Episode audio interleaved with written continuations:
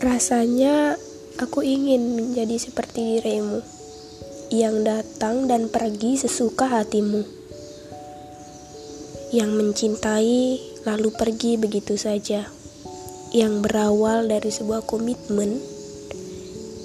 Yang berujung menjadi malapetaka untukku. Rasanya aku ingin membenci dan melupakanmu tapi tidak. Aku lebih memilih untuk tidak membencimu. Hmm, lucu memang. Aku malah berterima kasih kepada dirimu karena dirimu pernah membuat pikiran dan hatiku berduka karena sikapmu di usiaku yang sekarang.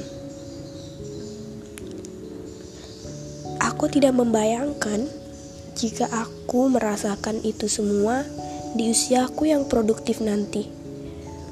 Ketika aku lagi menata karirku, menjaga kesehatanku, tiba-tiba cintamu datang dan merusak hati dan pikiranku. Tidak kubayangkan betapa tergoncangnya diriku.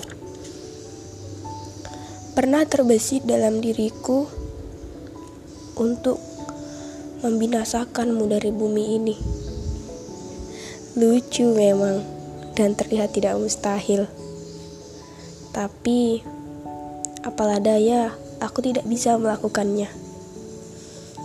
Ada satu hal yang perlu kamu tahu. Ternyata aku tidak bisa melupakanmu.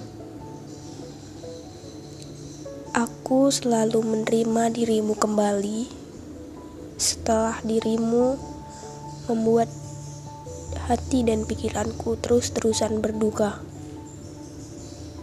Aku selalu tersenyum kepadamu